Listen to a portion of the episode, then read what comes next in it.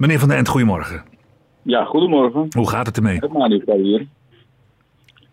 Sorry, wat zei u? Hermanivka hier, want zo heet het dorp. Hermani, Hermanica. Hermanivka. Ja. Ah, dat dorpje dus. Nou, naar u genoemd misschien wel. Wat zegt u? Misschien wel naar u genoemd. Eh, dat zou zomaar kunnen. Ik, voor- alles kan wat dat betreft. ik denk het, niet- denk het niet. Maar meneer Van hoe, ga- hoe gaat het met u? Nou, ja. Kijk, het is altijd een beetje up en down. Maar we hebben nu toch een beetje eh, steeds meer en meer, ondanks de doden die vooral natuurlijk in Mariupol vallen, eh naar het schijnt, eh, beginnen we er toch een beetje moed in te krijgen. Zeg maar, de Russen komen op steeds grotere afstand van Kiev. En dat, dat is natuurlijk de eerste winst. En natuurlijk En? dat de Russen hebben gezegd van ja, eigenlijk gaan wij ons toch meer richten op het oosten van het land.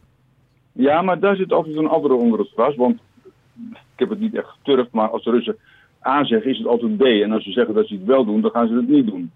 Eh, daar kunnen we zo langzamerhand wel van uitgaan. Daarom stelt de mededeling dat ze geen kernwapens gaan gebruiken, mij niet echt helemaal gerust. Ja, dat dat- kan gerust betekenen dat ze ze wel gaan gebruiken. D- dat was ook het verhaal inderdaad van die woordvoerder. Eh, alleen als wij worden bedreigd in ons voortbestaan, dan gebruiken we een kernwapen. En dat zal niet zijn in de oorlog met de Oekraïne. Maar, Ja, maar daar wordt- nou, dat dat stelt u dus niet gerust, integendeel. Nou, net als iedereen waarschijnlijk, de eerste 10 seconden wel. Of zelfs een hele minuut. En daarna denk je, ja, ja, ja. Eh, zo gaat het dus altijd. Het is altijd het omgekeerde. Hmm. Maar Dus, eh, eh, kijk, als het gaat om Kiev. Ja, ik, ik, hoor, ik lees en hoor daar verhalen over dat, dat als die Russen niet uitkijken, dan worden ze omsingeld daar. Eh, dat ze Ja. misschien ook wat terugtrekkende bewegingen maken. Om misschien wel manschappen, materieel over te hevelen naar eh, het oosten. ja. Nou ja, laten we het, laten we het hopen. Eh, niet dat het, dat, dan krijgen ze natuurlijk daar op hun dak. Maar in ieder geval gaan ze dan de goede kant op. Maar het stemt tot enige vreugde toch, deze ontwikkelingen bij u? Ja, jawel, als het echt die ontwikkeling is, dan zeker. Tuurlijk, natuurlijk. En, maar ja, we moeten ze wel helemaal de grens overjagen. Ja, ik gebruik tegenwoordig ook gewoon we, Hmm. heb ik gemerkt. Als het niet alleen maar over het Nederlands zelf wel over Feyenoord gaat, maar ook over Oekraïnse soldaten. Nou ja, zo gaat dat. Nou ja, u woont er al een tijdje, dus ja, Ja, dat is wel. u eh, bent onderdeel van de bevolking, zullen we maar zeggen. Eh, Ja, ja, uw soldaten. Maar ik zit wel veilig, dat scheelt een stuk. Ja, nog steeds. Ja, dat, dat is in die zin een beetje wonderbaarlijk. Maar anderzijds, Oekraïne is een groot land. Maar de oorlogshandelingen gaan voorlopig nog steeds aan u voorbij, zullen we zeggen, in uw dorpje. Ja, nou ja, eh, de vorige nacht, ik, ben er, ik heb er niet zoveel van gemerkt, want ik zit met, met de meisjes, zeg maar, mijn vrouw en de schuilvrouw uit Kiev. Ja, die hebben eh, zitten kijken naar het vuurwerk dat de hele nacht eh, bezig was aan de horizon. En ik heb wel voortdurend, nou dat was echt, als ik wakker was, was het de hele nacht door boem, boem, boem, boem, boem, boem.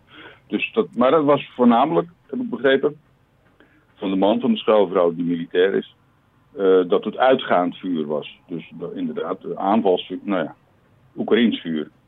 Eh, en, en, en hoe ver is dat dan bij u vandaan? Nou, dat is dan eh, afhankelijk van waar het precies was. Nou, 60, 70 kilometer. Maar 60. dat hoor je dus hier. En- Eén één keer dreunde zelfs heel licht. voer er een rilling door de, door de deurpost hier in mijn boekenbunker, zal ik maar zeggen. Hmm. Dus zo, zo ja, ja het was, de enige keer trouwens. Maar En toen dacht u van, het komt iets dichterbij. Ja. ja, het was iets harder denk ik, of iets zwaarder. ik weet het niet.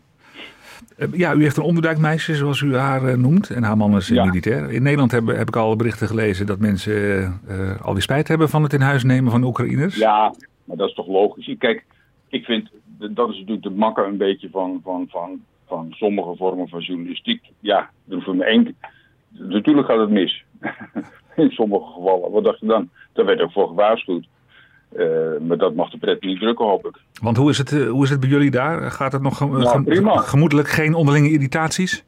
Maar er is natuurlijk maar één bij. Nee, helemaal niet. Men spreekt al om, de meesten spreken onder elkaar al van familie geworden en zo. Dus eh, nee hoor. Maar ja, goed, met drie mensen volwassen is het natuurlijk makkelijker misschien. Er komt maar één nieuwe bij. Ja, dat, dat, dat, dat kan schelen. Dat kan, en u heeft de ruimte natuurlijk ook, hè? Ik bedoel, eh, En wij zitten, wij zitten natuurlijk hier, ja, we hebben de ruimte, we hebben iedere onze eigen plek in feite, ja, ja zeker. En we zitten in de oorlog, dus we zijn uh, wij zitten allemaal in hetzelfde schuitje.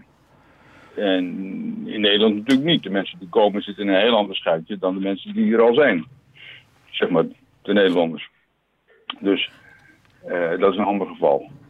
Ja, u zegt het gaat, het, natuurlijk gaat het mis, uh, maar waar, waarom bent u daar zo zeker van? En wat is het dan precies waardoor het mis kan gaan? Maar, ik bedoel alleen maar dat het misgaat in een enkel geval. Kijk, en als je daar dan op inzoomt, zoomt, dan ja. Oh. Kijk, als er, als er 18.000 mensen komen, dan gaat het vast in 10 of 20 gevallen mis. En als je daar dan maar vol uh, de, de zaklantaarn op zet, dan is het net alsof het overal misgaat. Ja, en, en dat is natuurlijk niet zo. Dat is natuurlijk niet zo. Nee, dat is natuurlijk niet zo. Dus dat vind ik een beetje jammer. Dat is toch een beetje, de, de, de, nou, dat kan een journalistieke trend zijn, dat je echt alle statistiek uit het oog verliest, uh, verliest en, en inzoomt op, op, op, die enkele keer dat het misgaat. Ja, ik geloof niet dat het nog breed gedeelde berichtgeving is hoor. Kwam het op één website, kwam ik het tegen van de Telegraaf ja, volgens mij. Ik heb het ook gezien, ja. ja. Nou, ik heb het op het internet ook wel gezien. Hmm, hmm. Maar ik heb nog een, een mooi initiatief. Misschien uh, uh, mag ik dat even verwoorden. Ja, gaat uw gang. Nou, dat hangt ook samen met het gericht dat ik uh, vanaf schreef. Maar kijk, een van de bekendste gerechten hier is kip Kiev. Dat is gevulde kipfilet.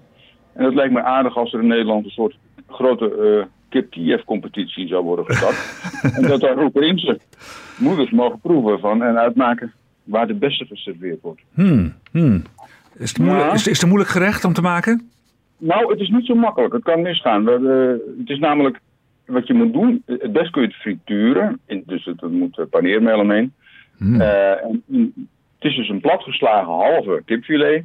Dus hij is veel dunner geworden. Die rol je op en die zet je vast met prikkers. En maar binnenin zit uh, een soort uh, botersubstantie die in de koelkast gelegen heeft, of in de vriezer zelfs. En die dan, nou ja, die lost uiteraard, uh, die, die smelt. En als je er dus in prikt, dan moet je uitkijken dat je, nou ja, nou ja, dat, dat, dat het niet over je vingers gaat bijvoorbeeld. Ja. Want dat is natuurlijk heel heet. En het, het moet wel binnen blijven totdat je erin prikt. Dus het moet niet leeglopen voordat het zover is. Dus het is een. Mm. Het is niet zo makkelijk. Nee, ik weet niet of ik het lekker vind eigenlijk als ik dit zo hoor. Ja, het is heel lekker. Het is ja? heel lekker. Ja, ja, ja. Ja, echt waar. Kip Kiev. Nou ja, als u het recept op uw Facebookpagina zet, nou ja, dan kunnen mensen dat ja, nog dat eens even... staat erop. Ah, kijk aan. Nou, dan kunnen mensen dat nog, dat, dat nog eens even proberen, proberen te maken. Ja. Ik heb het, als ik het gedicht nog voor mag lezen, dan, dan, dan heb ik het Poetin voorgezet en, en dan is die vergiftigd. Nou ja, dat kan dus ook. Oké. Nou, laat me horen dat gedicht, eh, meneer Van den we dan. Armaged Armageddon 36. Hij droomde van een hoofdgerecht, iets licht verteerbaars. En voor twee. Romantisch was hij aan gehecht. Kip Kiev, zei hij, met puree. Zijn kok trok alles uit de kast. De beste piepers en filet. En s'avonds zette hij tevreden een tsarenmaal op het damast. En met een pittig flesje wijn een heerlijke Odessa zwart. Zou alles echt fantastisch zijn. En toen ging alles lekker hard. Was het de drank of toch het vlees? Zijn dochters waren 's morgens wees. ja, ik lach daarom. Het is eigenlijk heel gruwelijk. het is eigenlijk heel wel. gruwelijk, maar nou In ja. dit geval mag Kijk, als je het Mark Rutte dan, eh, voorzit, dan mag het. Mm, Maar in dit geval mag het wel. Kip Kiev. Nou, gaat u Ja. vanavond nog eh, voetbal kijken, meneer Van der End, om de gedachte nou, een beetje ja. te verzetten? Al- eh, absoluut. Maar ik ga straks ook voor het eerst weer eens echt aan het werk om een groot boek te betalen.